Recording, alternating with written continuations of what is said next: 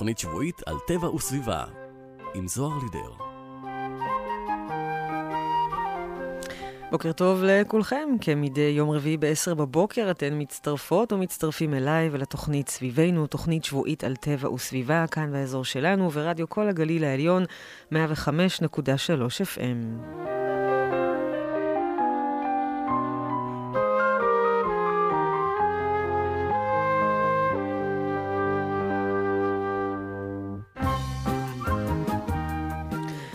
ט"ו בשבט, ראש השנה לאילן, חג האילנות והעצים, מתקיים בשבוע הבא, ממש בשיא החורף, דווקא כשהרבה עצים עומדים בשלכת וקצב חילוף החומרים שלהם איטי ביותר. אבל מנקודה זו ואילך, אולי אנחנו פחות מרגישים בזה, אבל הם, העצים, מרגישים ומגיבים בהתאם. מיום ט"ו בשבט גובר כוחה של החמה. השמש מגביהה את המסלול שלה, שעות האור מתארכות והלילות מתקצרים. מזג האוויר יתחיל טיפה להתחמם, ואלה משפיעים על תהליכים פיזיולוגיים של התעוררות עצים, שיביאו בהמשך ללבלוב ולחניתת הפרי. כמו שנאמר, מתחלחלין עצי האילנות ומתחילים לשתות ולחיות. זהו יום שבו מתחילים לפרוח ניצני העלים של העצים שעמדו בשלכת בתקופה הקרה. וזה בדיוק חצי שנה אחרי ט"ו באב, שהוא יום שבירת המגל, יום בו חדלו לכרות עצים למערכה לצורכי המזבח, מכיוון שאז הלחות מתרבה באוויר והעצים הכרותים סופגים אותה ועלולים להיות בהם תולעים. אז חצי שנה אחרי ט"ו באב, או לפני ט"ו באב, תלוי מאיפה סופרים, אבל דווקא בעיצומו של החורף, עוד מעט, עוד מעט נתחיל ללבלב. יש למה לחכות.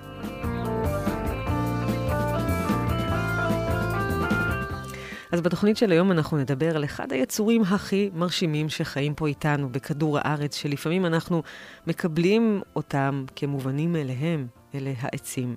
העצים הם יצורים ששוברים הרבה שיאים. הם בין היצורים הכי עתיקים, הכי גדולים והכי גבוהים בכדור הארץ. קבלו כמה שיאים. היפריון זהו שם של עץ מהמין סקויה נאה, הוא העץ הגבוה ביותר בעולם, זה נכון ללפני אה, עשר שנים, ל-2011. גובהו במדידה האחרונה הייתה 115 מטרים נקודה 61 סנטימטרים. העץ גדל בפארק הלאומי רדווד שבקליפורניה, והוא נקרא על שם היפריון, דמות מהמיתולוגיה היוונית. גם השכנים שלו, יש להם שמות אה, דומים מהמיתולוגיה. נפח העץ בזמן מדידת הגובה היה 502 מטר מעוקב של עץ, והוא בן 600 שנים, והוא ממשיך לצמוח כך שהוא עוד יגדל ויגבה עוד ועוד. העץ הקשיש ביותר בעולם הוא אורן ארוך חיים, שגדל במזרח קליפורניה במשך 4,900 שנים. הוא כבר איתנו, תחשבו מה הוא הספיק לראות במשך חייו. בעיירה במקסיקו צומח עץ מיוחד מסוג, מסוג טקסודיון, והוא בעל הגזע הרחב ביותר בעולם. קוטר הגזע הוא 16 מטרים. זה כמו המרחק בין רחבת העונשין במגרש כדורגל. השם אה, גנרל שרמן נתנו לעץ ממשפחת הסקויה הענקית, שהוא זכה לתואר העץ הגדול ביותר בעולם. נפחו הכולל מעל 1,525 מטרים מעוקבים, משקלו מוערך באלפי טון. לא נקרא לו שמן.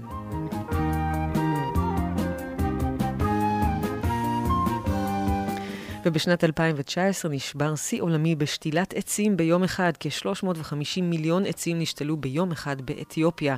העצים נשתלו במסגרת יוזמת המורשת הירוקה, שנועדה לסייע להחזיר את הנוף של המדינה, שלדברי מומחים נשחק במהירות בשל כריתת ובירור היערות ושינויי האקלים. ויש גם שיא עולמי בישראל. במחקר ישראלי נמצא שעצי השיטה שצומחים כאן בערבה הם שיאני עולם שמצליחים לגדול בתנאי החום והיובש הקיצוניים ביותר שאי פעם תועדה בהם גדילת עץ. נכון שיש מקומות חמים ויבשים מאוד, למשל מדבר סהרה, אבל שם לא גדלים עצים, או שהעצים שכן צומחים בהם לא גדלים בפועל בימים שבהם הטמפרטורות והיובש מגיעים לשיא, כמו עצי השיטה, שדווקא גדלים בקיץ החם. ואי אפשר לדבר על עצים בלי להזכיר את העץ המפורסם שתחתיו ישב סר אייזיק ניוטון. על פי הסיפור המפורסם, צפה ניוטון בתפוח נופל מהעץ, ומכך שאב השראה להבנה מדעית של כוח המשיכה. העץ המקורי גדל ליד ביתו של ניוטון בוויסטפורט, וולסתורפ, סליחה, באנגליה, ולפני מותו נלקחו ממנו ייחורים שהופצו למקומות, אה, מוסדות אקדמיים נוספים. אז עוד על עצים שבצילם מתקיימים בתי גידול שמכילים מאות יצורים אחרים, כמו צמחים, פטריות, חיידקים, מצות, חרקים, זחולים, ציפורים, יונקים ועוד הרבה, הם, העצים גם מווסתים מי נגר, הם מצמצמים הצפות, בזכותם כולנו נושמים, וגם יותר מכך עוזרים לנו להיות יותר בריאים. על כל אלה, ואולי רק חלק, ואולי בתוכניות הבאות, אבל בואו נתחיל.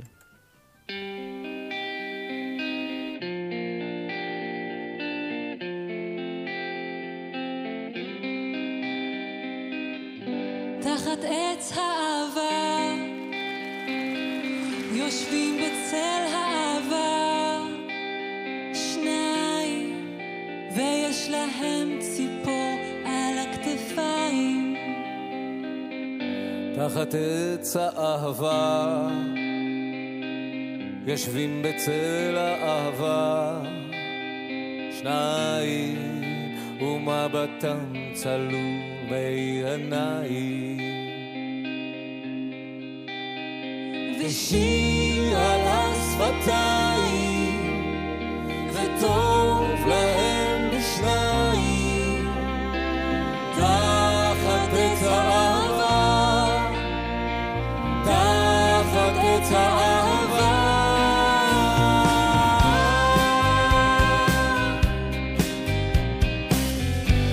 תחת עץ האהבה, יושבים בצל האהבה, שניים, ויש להם חלום, אבל בינתיים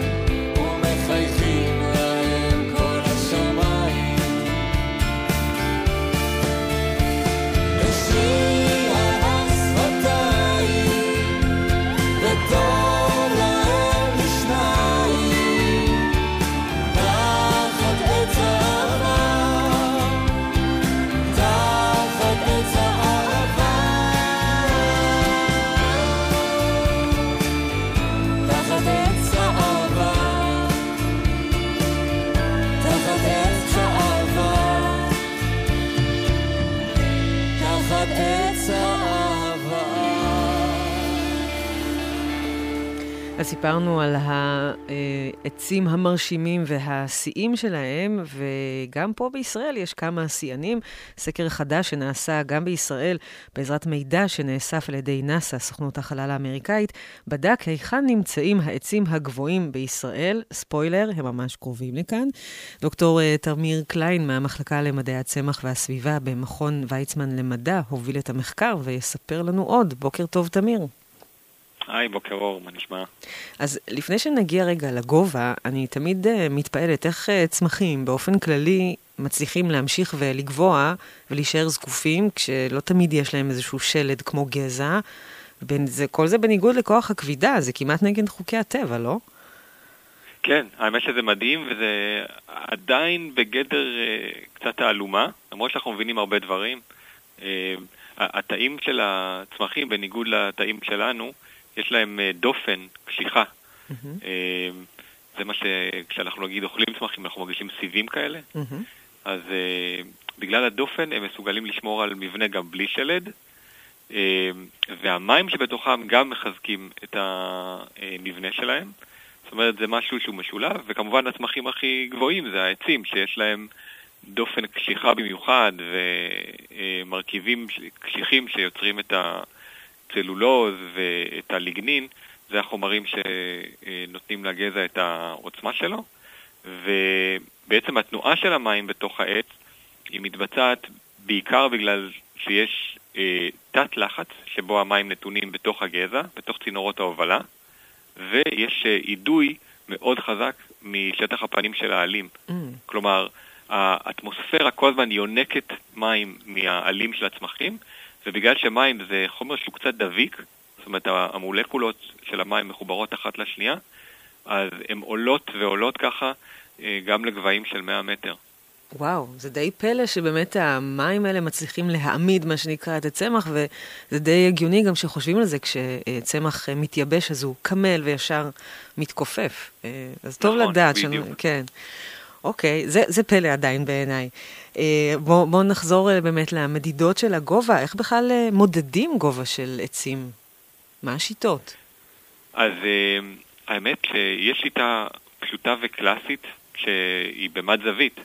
אה, ברגע שאת יודעת את המרחק בינך לבין הבסיס של הגזע, של העץ שאת מסתכלת עליו, ואת אה, יכולה אה, בעזרת מד זווית לראות אה, מה אה, הזווית שבינך לבין, בין העין לבין הצמרת, את יכולה בטריגונומטריה פשוטה יחסית לחשב את הגובה. מהמם. אה, על בסיס השיטה הזאת יש אה, גם שימוש במד טווח לייזר, שעושה אותו דבר בדיוק, פשוט הוא אה, יכול לחשב את המרחק בינך לבין הצמרת בצורה מדויקת, ושיטות אחרות זה פשוט מלמעלה, עם, ה- עם לוויינים, Mm. וכמו שהזכרת את הסיפור עם נאסא, אז זה מאוד מעניין כי להם היה במשך אה, הרבה שנים לוויין מיוחד לבדיקה של עובי הקרח בכתבים. אוקיי. ואנחנו יודעים על אה, שינוי אקלים והבעיה שזה גורם להתמוססות הקרחונים וכולי. אז הם בעצם הצ- הצריכו את אותו לוויין קיים עם אותם חיישנים, אה, רק שינו איזשהו פרמטר אה, קטן יחסית כדי למדוד את גובה היערות בעולם. כי הם ראו שיש הבדל בין הגובה של פני שטח שניתן מצמחייה לבין גובה של פני שטח שניתן מקרקע. מהמם. ולפי זה ההפרש זה בעצם הגובה של העצים. הבנתי. זה גם קצת יותר חסכוני מאשר לעבור עץ-עץ עם אותו מד זווית ו... או לייזר אפילו.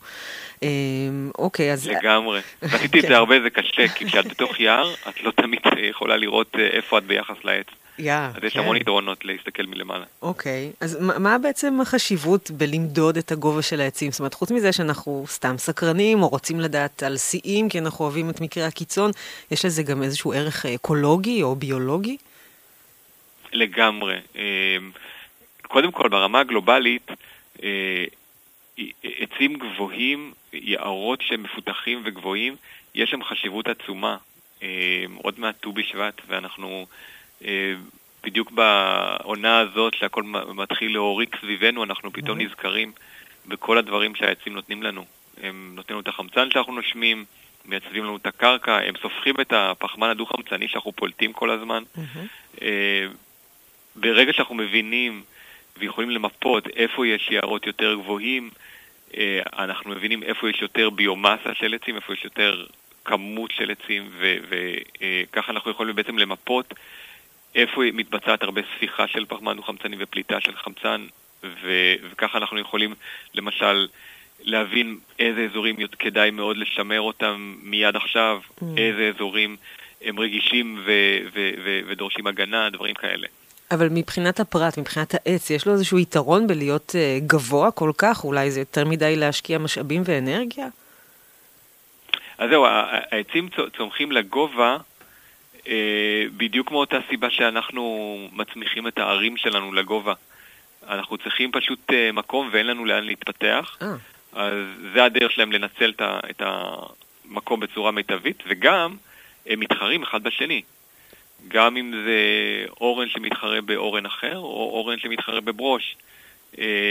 המטרה שלהם להגיע כמה שיותר אה, לאור של השמש, Mm. וזה מה שחשוב להם בשביל הפוטוסינתזה.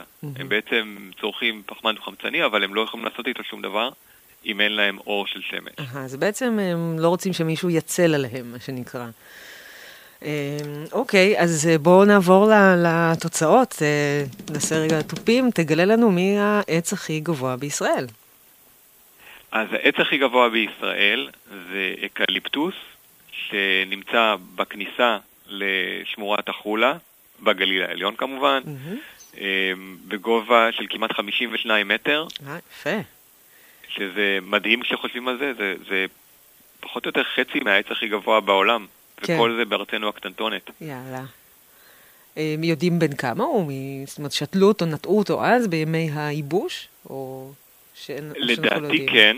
מהמם. אני, אני לא יכול להגיד בוודאות, אבל אני חושב שזה אה, גם בזכות הגובה, זו חורשה שניטעה אה, מאוד אה, מזמן, זאת אומרת, אה, קרוב למאה שנה לדעתי, ואחד הדברים המיוחדים זה שהחורשה באמת ניטעה בצפיפות גבוהה,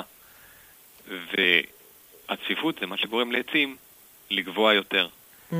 בגלל אה, אז התחרות. אפשר לראות, בניגוד לעצים מאוד גדולים, אה, כולנו שאנחנו חושבים על עצים גדולים, אז אנחנו יודעים שיש בארץ עצים ענפים ו- ורחבים, מהמם. אבל זה מאוד שונה, עצים גבוהים הם לא כאלה, הם כאלה שהגזע פשוט מאוד ישר ועולה מעלה בחדות בלי התפצלויות כמעט. מהמם. אז אלה הם האקליטוסים בשמורת החולה, הם כאלה, והם גם נהנים אגב מ- מקרקע שהיא היא מאוד כבדה ומכילה הרבה מים שיכולים Mm. לתמוך בגובה הזה. מהמם. יש, אה, הבנתי, עוד עצים אה, גבוהים נמצאו בנחל השופט, גם בנחל, בגליל המערבי אולי, בנחל כזיב, יער ביריה, אה, גם מגיעים נכון, לגבהים נכון. כאלה? האמת שהאקליפטוסים זה קצת רמאות, למה? כי הם לא שייכים לכאן, אנחנו Mm. הבאנו אותם מאוסטרליה, כמו שבכל מקום בעולם כמעט הביאו אותם, זה עצים מדהימים ויפים, אבל הם לא מ... בניגוד לשירו של אהוד בנאי, אקליפטוס בודד שורק בלוז כנעני, מהמם. אקליפטוסים לא יודעים בלוז כנעני, כי הם לא היו פה בתקופה של כנען, הם אפילו לא היו פה לפני 150 שנה. אז אה, הם מאוד חדשים באזור, והם לא מהטבע שלנו. אז היה לנו חשוב לראות עצים שהם כן בטבע של ישראל, שהם גבוהים, וזה באמת קורה.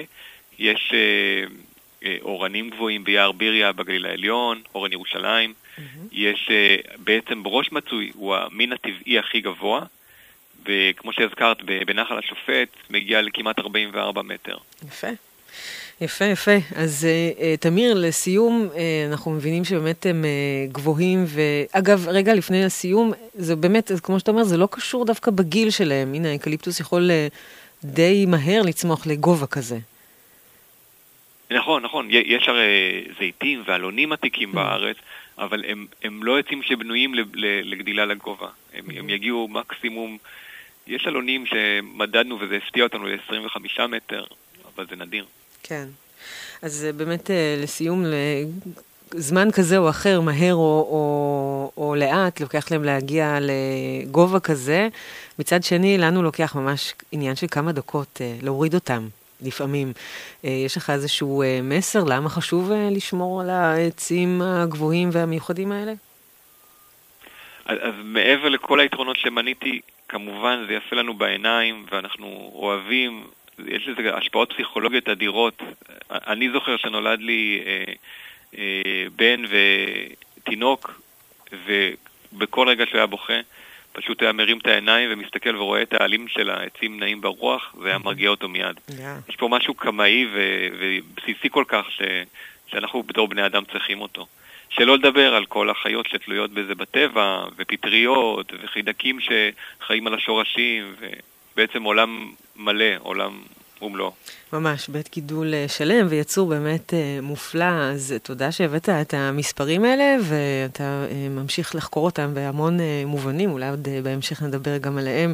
דוקטור תמיר קליין, המחלקה למדעי הצמח והסביבה, מכון ויצמן למדע, תודה רבה, ובקרוב חג שמח לאילנות. תודה וחג שמח לכולנו. ביי ביי.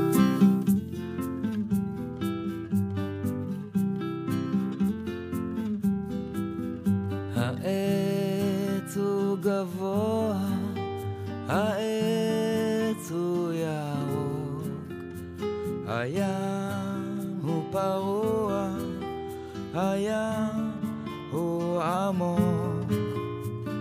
אם הים הוא עמוק, מה אכפת לו לעץ? מה אכפת לו לים שהעץ הוא ירוק?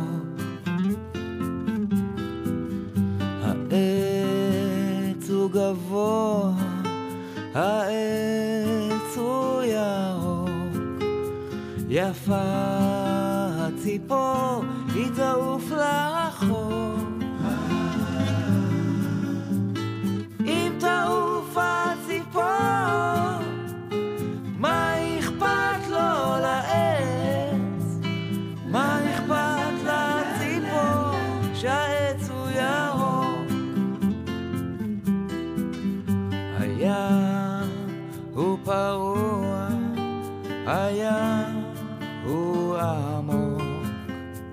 יפה הציפור, היא תעוף לרחוק. אם תעוף הציפור, מה אכפת לו לים? מה אכפת לציפור שהים הוא עמוק?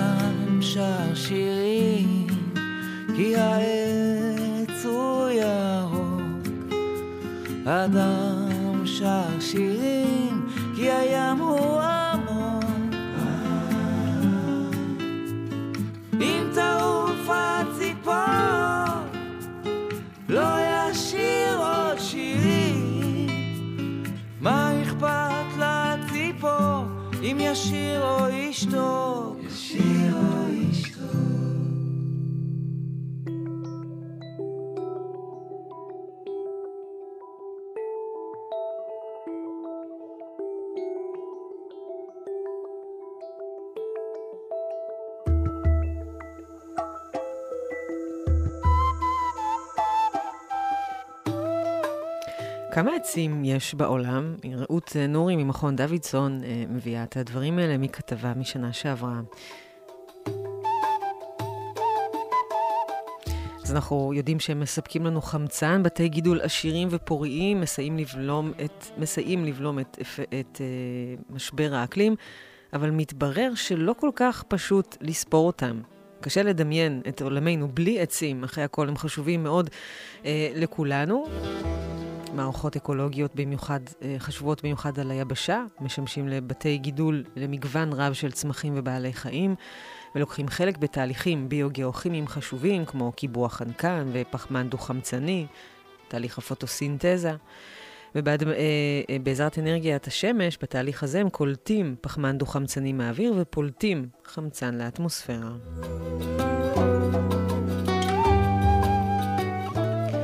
אז בהדמיות שמבוססות על מדידות הפחמן הדו-חמצנית באטמוספירה, שערכה סוכנות החלל האמריקאית נאס"א, רואים ריכוז גבוה מאוד של פחמן דו-חמצני באזורים מתועשים, שהוא תוצר לוואי של שריפת פח, פחם ודלק.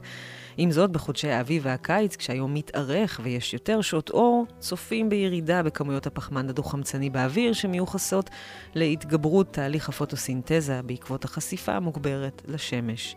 לפי הערכות, באירוע יערות, הגש... יערות הגשם בשני העשורים האחרונים, הביא לעלייה של עד 20% בכמות גזי החממה העולמית. לכן חשוב להעריך את כמות העצים שנמצאים בשטחים היבשתיים בעולם. הנתון יאפשר להעריך את צפיפות העצים באזור מסוים ולהסיק מכך על בריאות המערכת האקולוגית בסביבה הזאת. בנוסף, מעקב אחר, אחר מספר העצים יכול לספק מידע מדויק על תהליכי הרס היערות או שיקומם, שמתרחשים באופן טבעי או בהתערבות אנושית. במחקר שפורסם משנת 2015 בכתב העת Nature, נעזרו המדענים בצילומי לוויין, לצד יותר מ-420 אלף מדידות קרקעיות של צפיפות עצים שנעשו ביותר מ-50 מדינות ברחבי העולם. עד אז התבססו מקבלי ההחלטות והמדענים בעיקר על צילומי לוויין, כדי להעריך את גודל השטחים המיוערים, אבל לא התייחסו למספר העצים וצפיפותם. הצלבת הנתונים משני המקורות אפשרה לחוקרים להעריך את כמות העצים גם במקומות שלא נעשו בהם מדידות קרקעיות בפועל.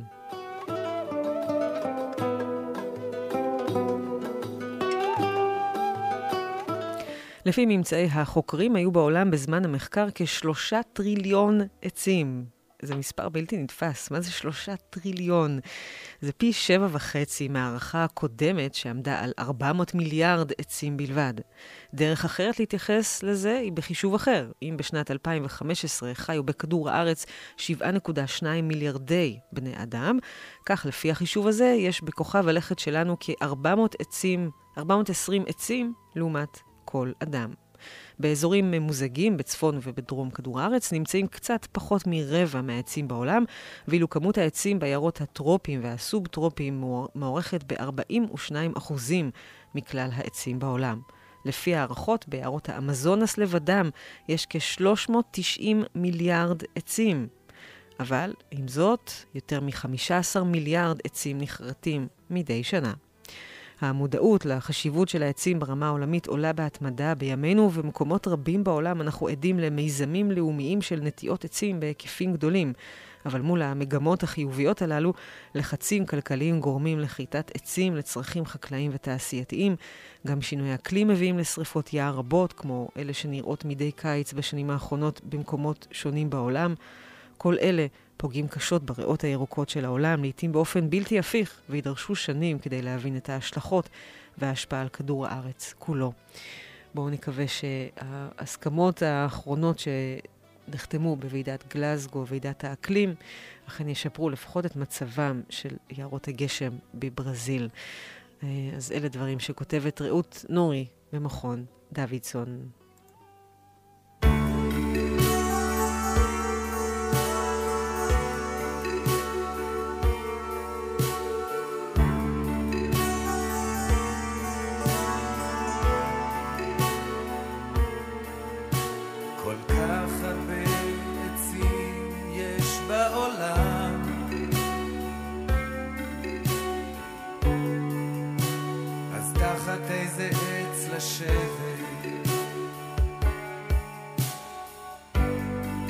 שהצל ייפול עליי כולו ויהיה לי טוב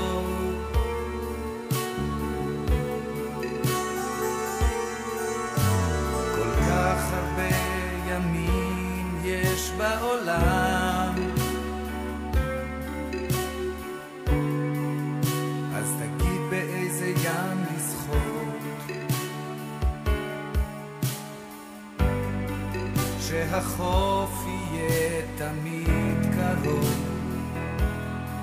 ויהיה לי טוב.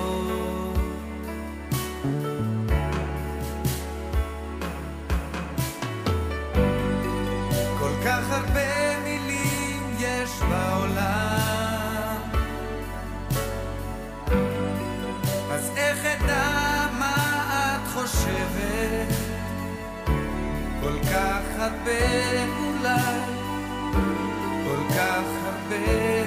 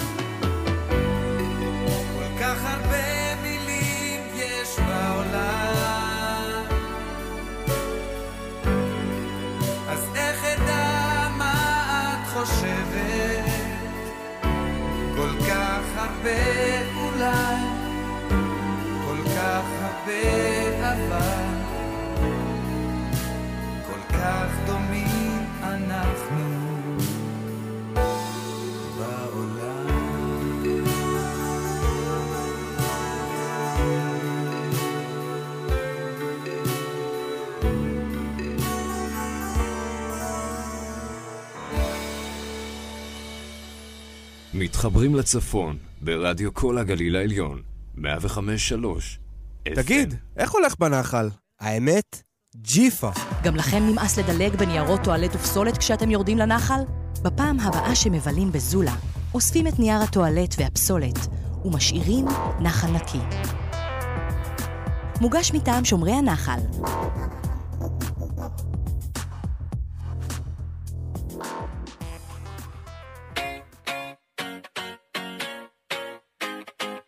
זוכרים? בגליל העליון המחזור מתחיל בבית. לפח החום אפשר לזרוק את כל שאריות המזון, אוכל מבושל, בשר, עצמות, דגים, מוצרי חלב, לחם ודגנים, פירות, ירקות, ביצים, שקיות תה, משקע של קפה. טישו.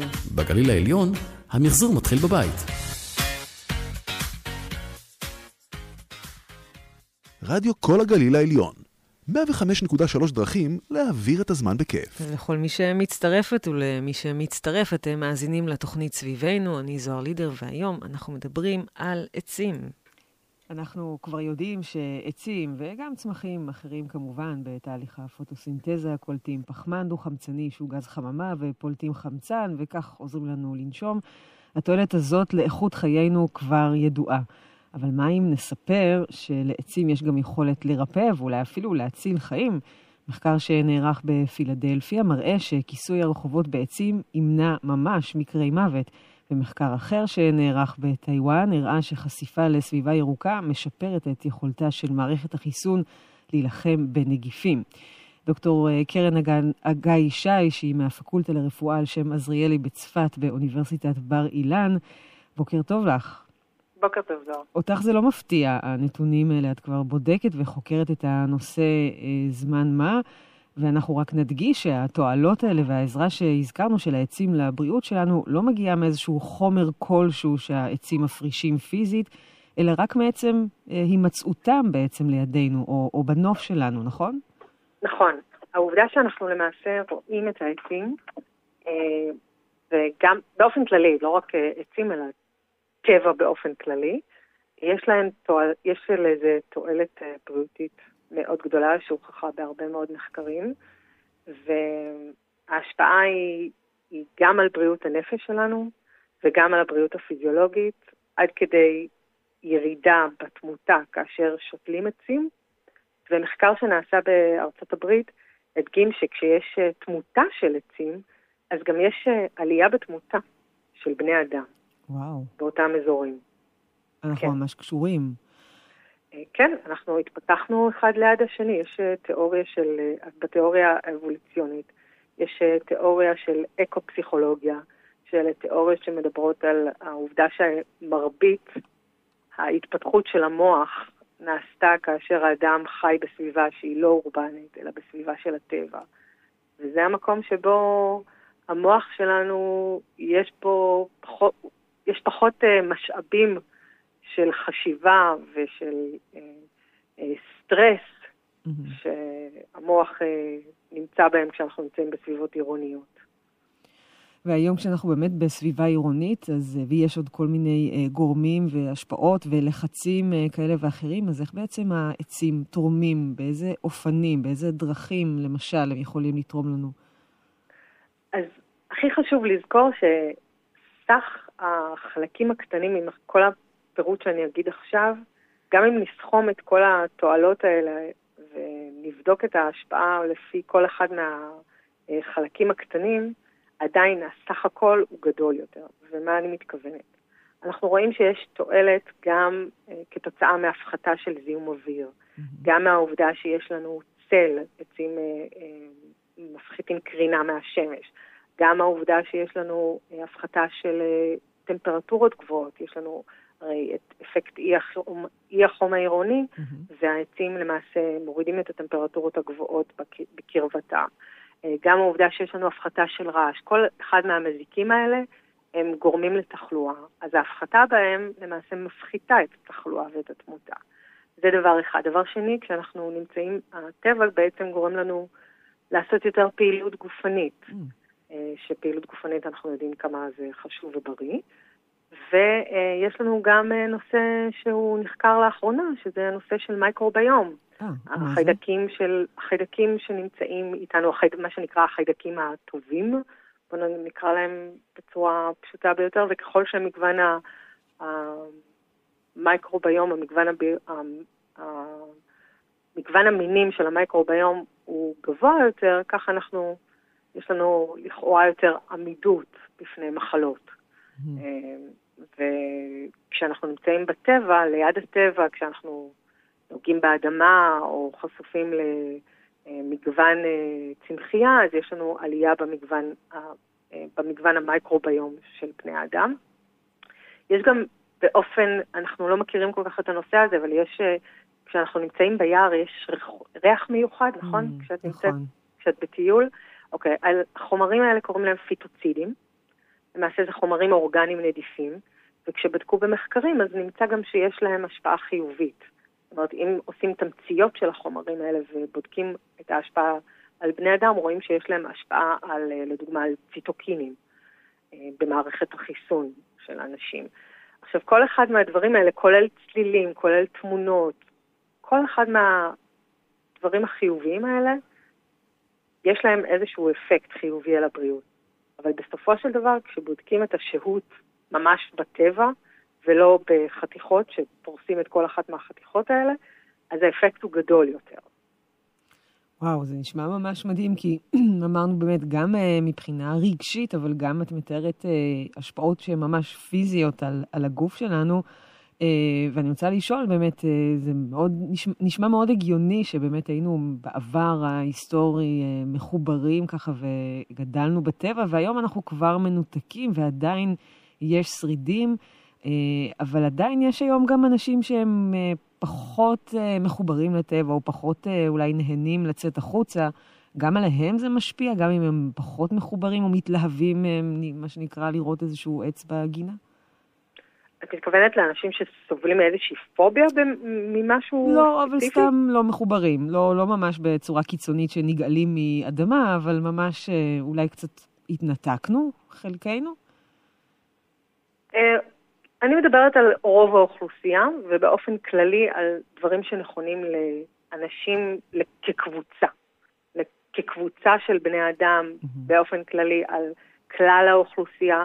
תמיד יש יוצאים מן הכלל. כן. אני לא מתייחסת לאנשים שנרתעים לחלוטין מלצאת החוצה, אבל באופן כללי יש השפעה החל מילדים והפרעות קשב וריכוז, דיכאון, חרדה, מצבי רוח, תחושת ה-well-being, מה שנקרא מיטביות בעברית, mm-hmm. שזה ההרגשה של איך אתה מרגיש לגבי החיים שלך באופן חיובי,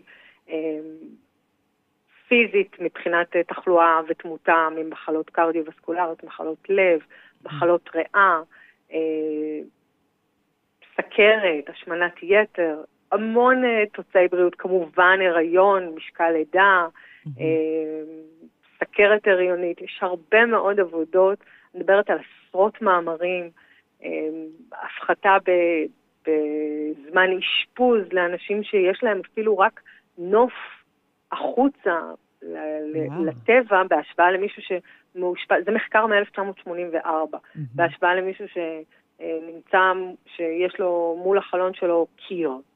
יאללה. אמ, המון, המון אאוטקאמים והמון תוצאי בריאות שרואים שיש השפעה חיובית. של אפילו להסתכל על תמונה של טבע. יאללה, זה אפילו דברים שאנחנו לא מודעים אליהם והם עושים לנו כל כך טוב, ולפעמים אנחנו באמת לוקחים אותם כמובן מאליו, אז קרן, אם לך אה, הייתה ניתנת האפשרות לייעץ למשל מתכנני ערים או מתכננים בכלל, או, או טיפים לאנשים אה, בימים אלו שמרגישים אולי פחות טוב, מה, מה תייעצי? איזה טיפים תתני? קודם כל, אפשר לחלק את זה לשתיים. דבר אחד זה, זה אתה כבן אדם, מה אתה יכול לעשות למען בריאותך, ואין ספק שט"ו בשבט זה זמן נהדר לשתול בו אה, עצים, וזה חג מקסים בעיניי של להתחבר לטבע. ויש לזה הרבה מאוד תועלות, החל בקטנטנים ביותר ובמבוגרים ביותר. Mm-hmm. שכחתי לומר את ההשפעות החיוביות שיש אה, לשהות בטבע ולעבודה, גינון לדוגמה, mm-hmm. על אלצהיימר ועל דמנציה, גם על חולים וגם על שכיחות של המחלה. Mm-hmm.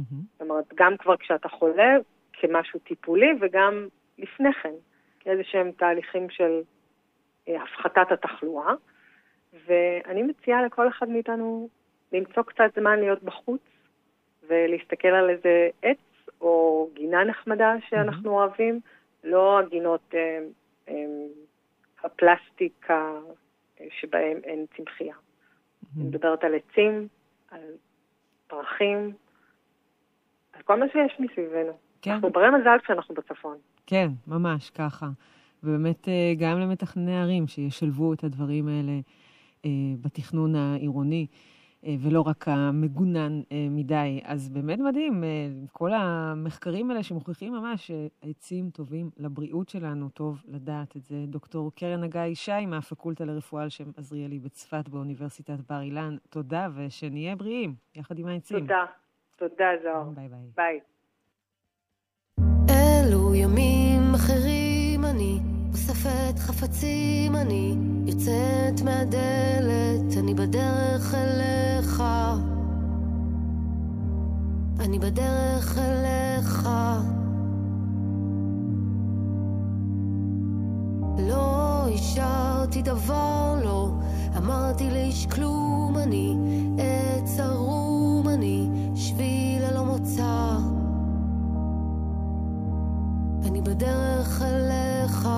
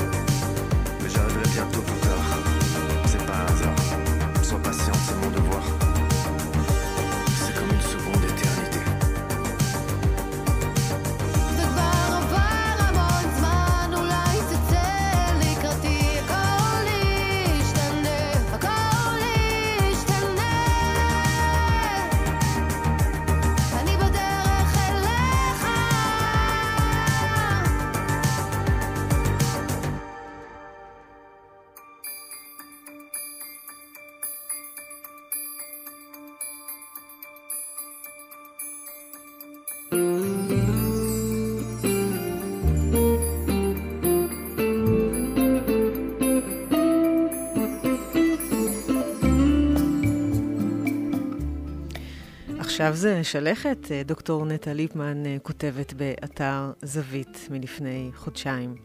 הסתיו צובע את העצים בגווני השלכת המרהיבים, אבל האם המראות האלה, האלו ימשיכו לאתר את הערים והטבע באותה מידה נוכח השפעותיו של משבר האקלים? מה גורם לצבעי השלכת המרהיבים, אדום, כתום, צהוב וחום? ובכן, בסתיו, כשהאור מתמעט והטמפרטורות יורדות, במיוחד בלילות, העץ מבצע פחות פוטוסינתזה, כלומר, משתמש פחות באור השמש כדי לייצר פחמימות וחומרים שמהם הוא בונה את גופו. לכן יש בעלים בתקופה הזו ירידה בייצור הכלורופיל, שתורם התורם העיקרי לתהליך, שהוא הפיגמנט שצובע את העלים בירוק. בלי הכלורופיל הדומיננטי אפשר לחזות בפיגמנטים נוספים בשלל צבעים שמתחבאים בעלים, צבעי אדום, כתום, סגול, חום וכל המנעד שביניהם, זאת עד לנשירת העלים והכנת העץ לתקופת החורף הקרה. השלכת הייתה תמיד מקור להתפעלות מיופיו הייחודי של הטבע, אבל חיזוי שיא צבעי הסתיו והשלכת הוא עניין לא פשוט. העיתוי והאיכות של שינוי הצבע תלויים בשילוב של טמפרטורות, משקעים ואור שמש. היום אפשר למצוא ברשתות אתרים רבים שעוקבים אחר מצבה של השלכת בכל רגע נתון, ומנסים לקבוע מתי יהיה מועד הביקור המוצלח בכל אזור, בהתבסס לא מעט על מדע אזרחי שבו נתונים נאספים על ידי אזרחים מן השורה. תצוגות צבעי הסתיו הטובות ביותר מתרחשות לאחר ימים שטופי שמש ולילות קרירים יותר, ותלויים גם בכמות המשקעים שירדו מוקדם יותר בשנה.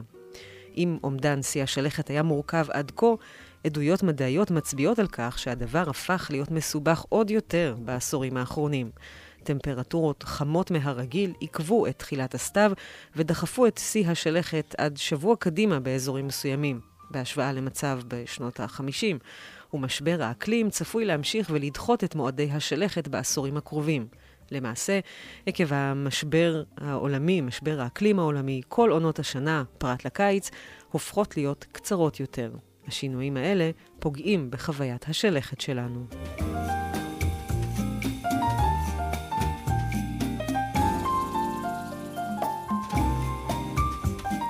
משבר האקלים צפוי גם לגרום לצבע השלכת שנראה להיות עמום יותר.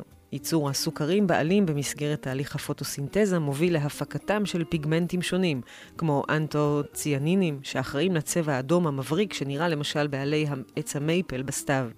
לילות קרירים יותר עוזרים ללכוד את הסוכרים בעלים, ולכן חום עלול לפגוע בפיגמנטים. אם בעבר צבעים חזקים של אדום וסגול בצבצו בין העלים עם תחילת הסתיו, משבר האקלים נותן אותותיו גם בפלטת הצבעים שביער, ועונות סתיו חמות יותר באופן עקבי עלולות לצייר תמונות נוף כתומות וצהובות באופן דומיננטי, היכן שהצבע האדום שלט בעבר. טמפרטורות חמות יכולות גם לשנות את תפוצתם של מיני עצים, ומכאן גם של גווני השלכת. כך מינים דרומיים שמשגשגים במזג אוויר חם עלולים להתפשט צפונה. לחלק ממינים אלה, כמו עצי האלון או האורן, יש גוונים רגועים יותר מאלה של עצי המייפל האדומים. על פי תחזיות של שירות היערות בארצות הברית, מינים מסוימים ששלחתם צהובה צפויים להתרחב באופן משמעותי צפונה בתוך מאה שנים בשל משבר האקלים. אירועי מזג אוויר קיצוניים שנובעים ממשבר האקלים כמו בצורת וגלי חום עלולים גם הם לפגוע במראות השלכת. ב-2020 למשל, בצורת קשה בקיץ הובילה בחלקים בניו אינגלנד לכך שעלים רבים קמלו עוד לפני שהספיקו להפוך לאדומים. ואם זה לא מספיק, סערה עזה גרמה לעצים לאבד עלים רבים נוספים. משבר האקלים כבר כאן, והוא משפיע על הכלכלות שלנו, על הבריאות שלנו, וכמובן, גם על הטבע שלנו. נקווה שנוכל לעשות את השינויים הנדרשים ואת המאמץ, כדי שהדורות הבאים יוכלו לטייל בין עצים צהובים וכתומים ואדומים וסגולים, לפני שתמונות שלכת יימצאו רק בארכיונים מאובקים. כך כותבת דוקטור נטע ליפמן באתר זווית.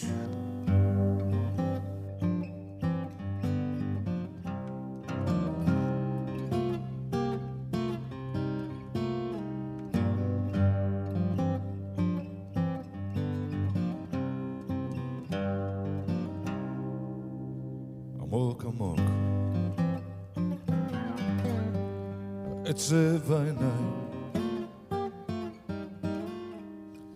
עמוק עמוק היין במרתף.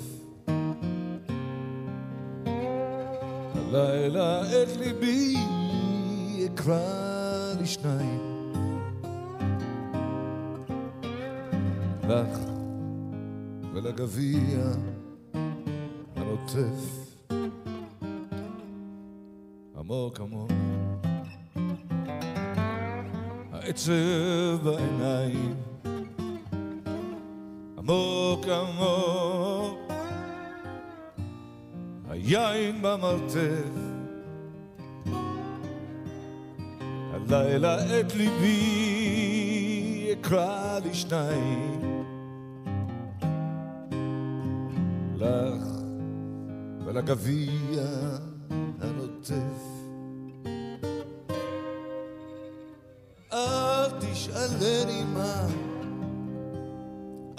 תשאלני איך. בני אדם נולדו לשתוק ולחייב. בני אדם נולדו לצנוח וללכת כרוח הנושבת בשלכת דולף, דולף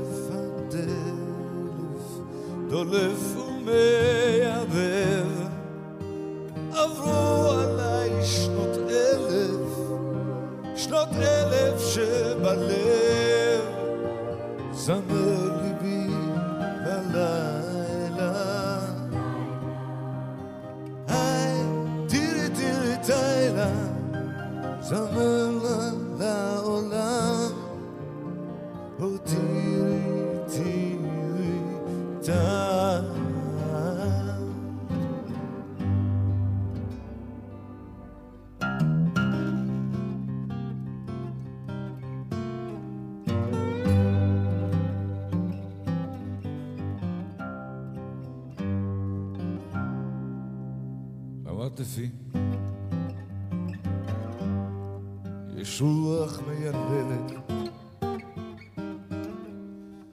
במרתפים אין אור בחלונות. אבל אדם בוכה שם כמו ילד. אבל אדם חולם שם חלומות תשאלני אן, אל תשאלני איך, גם אתה אינך יודע והולך, ודאי ישנו מקום שבו עומדים מלכת, שבו יתום העץ גם משלכת.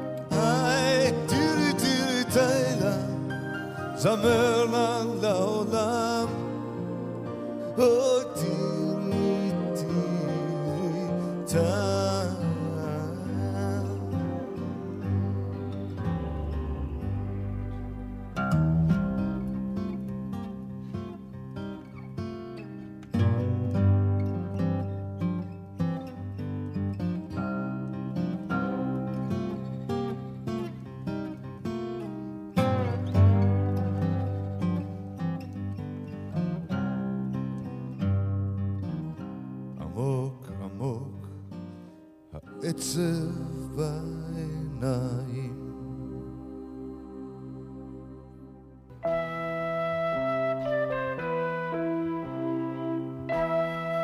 סביבנו, תוכנית שבועית על טבע וסביבה, עם זוהר לידר.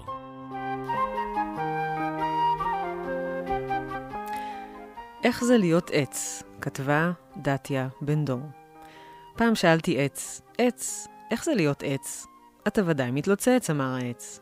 לא ולא אמרתי, ברצינות גמורה, זה טוב או רע? רע, תמה העץ. מדוע? ולא אכפת לך שאתה תקוע כל השבוע? אינני תקוע, אני הרי נטוע. ולא מתחשק לך לפעמים ללכת לבקר חברים, או לראות מה נשמע במקומות אחרים? אין לי צורך לנוד ולנוע. ציפורים מזמרות לי באופן קבוע, פרפרים לי נושקים מלטף הרוח, ולנגד עיניי כל האופק פתוח. ובלילה, כשכולם ישנים, אז מה? בלילה אני מאזין לדממה, ושומע איך נושמת האדמה, איך פירות מבשילים, איך יורדים הטללים, ובתוך ענפיי ישנים גוזלים, ואני שומר על שנתם. אני אוהב אותך, עץ, אמרתי, והלכתי אל גני, ונתתי לי עץ מול חלוני.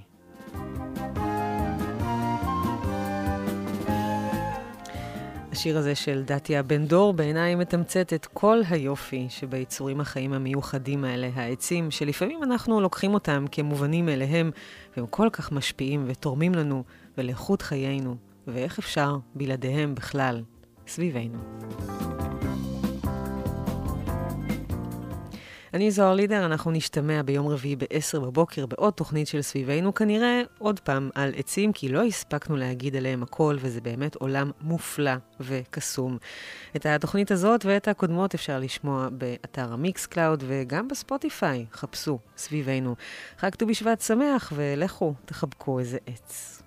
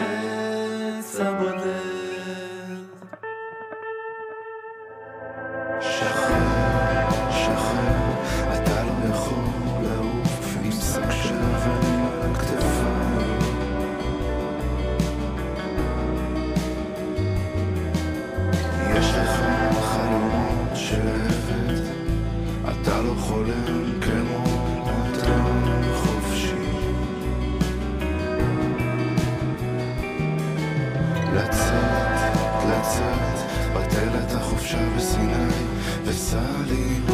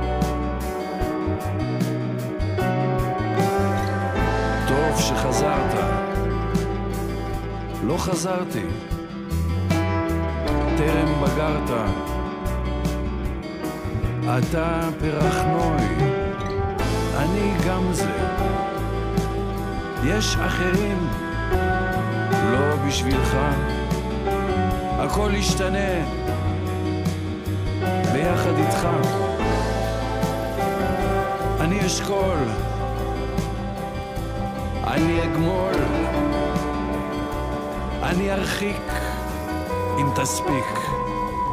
אכזבת אותי, אמר העץ. אהבת אותי, אמר האיש. אמות בלעדיך, אמר העץ. אך לא ידידיך, אמר האיש.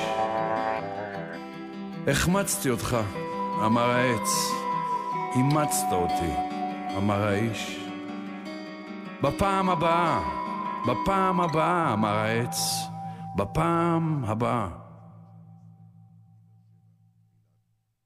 מאה וחמש שלוש רדיו, כל הגליל העליון.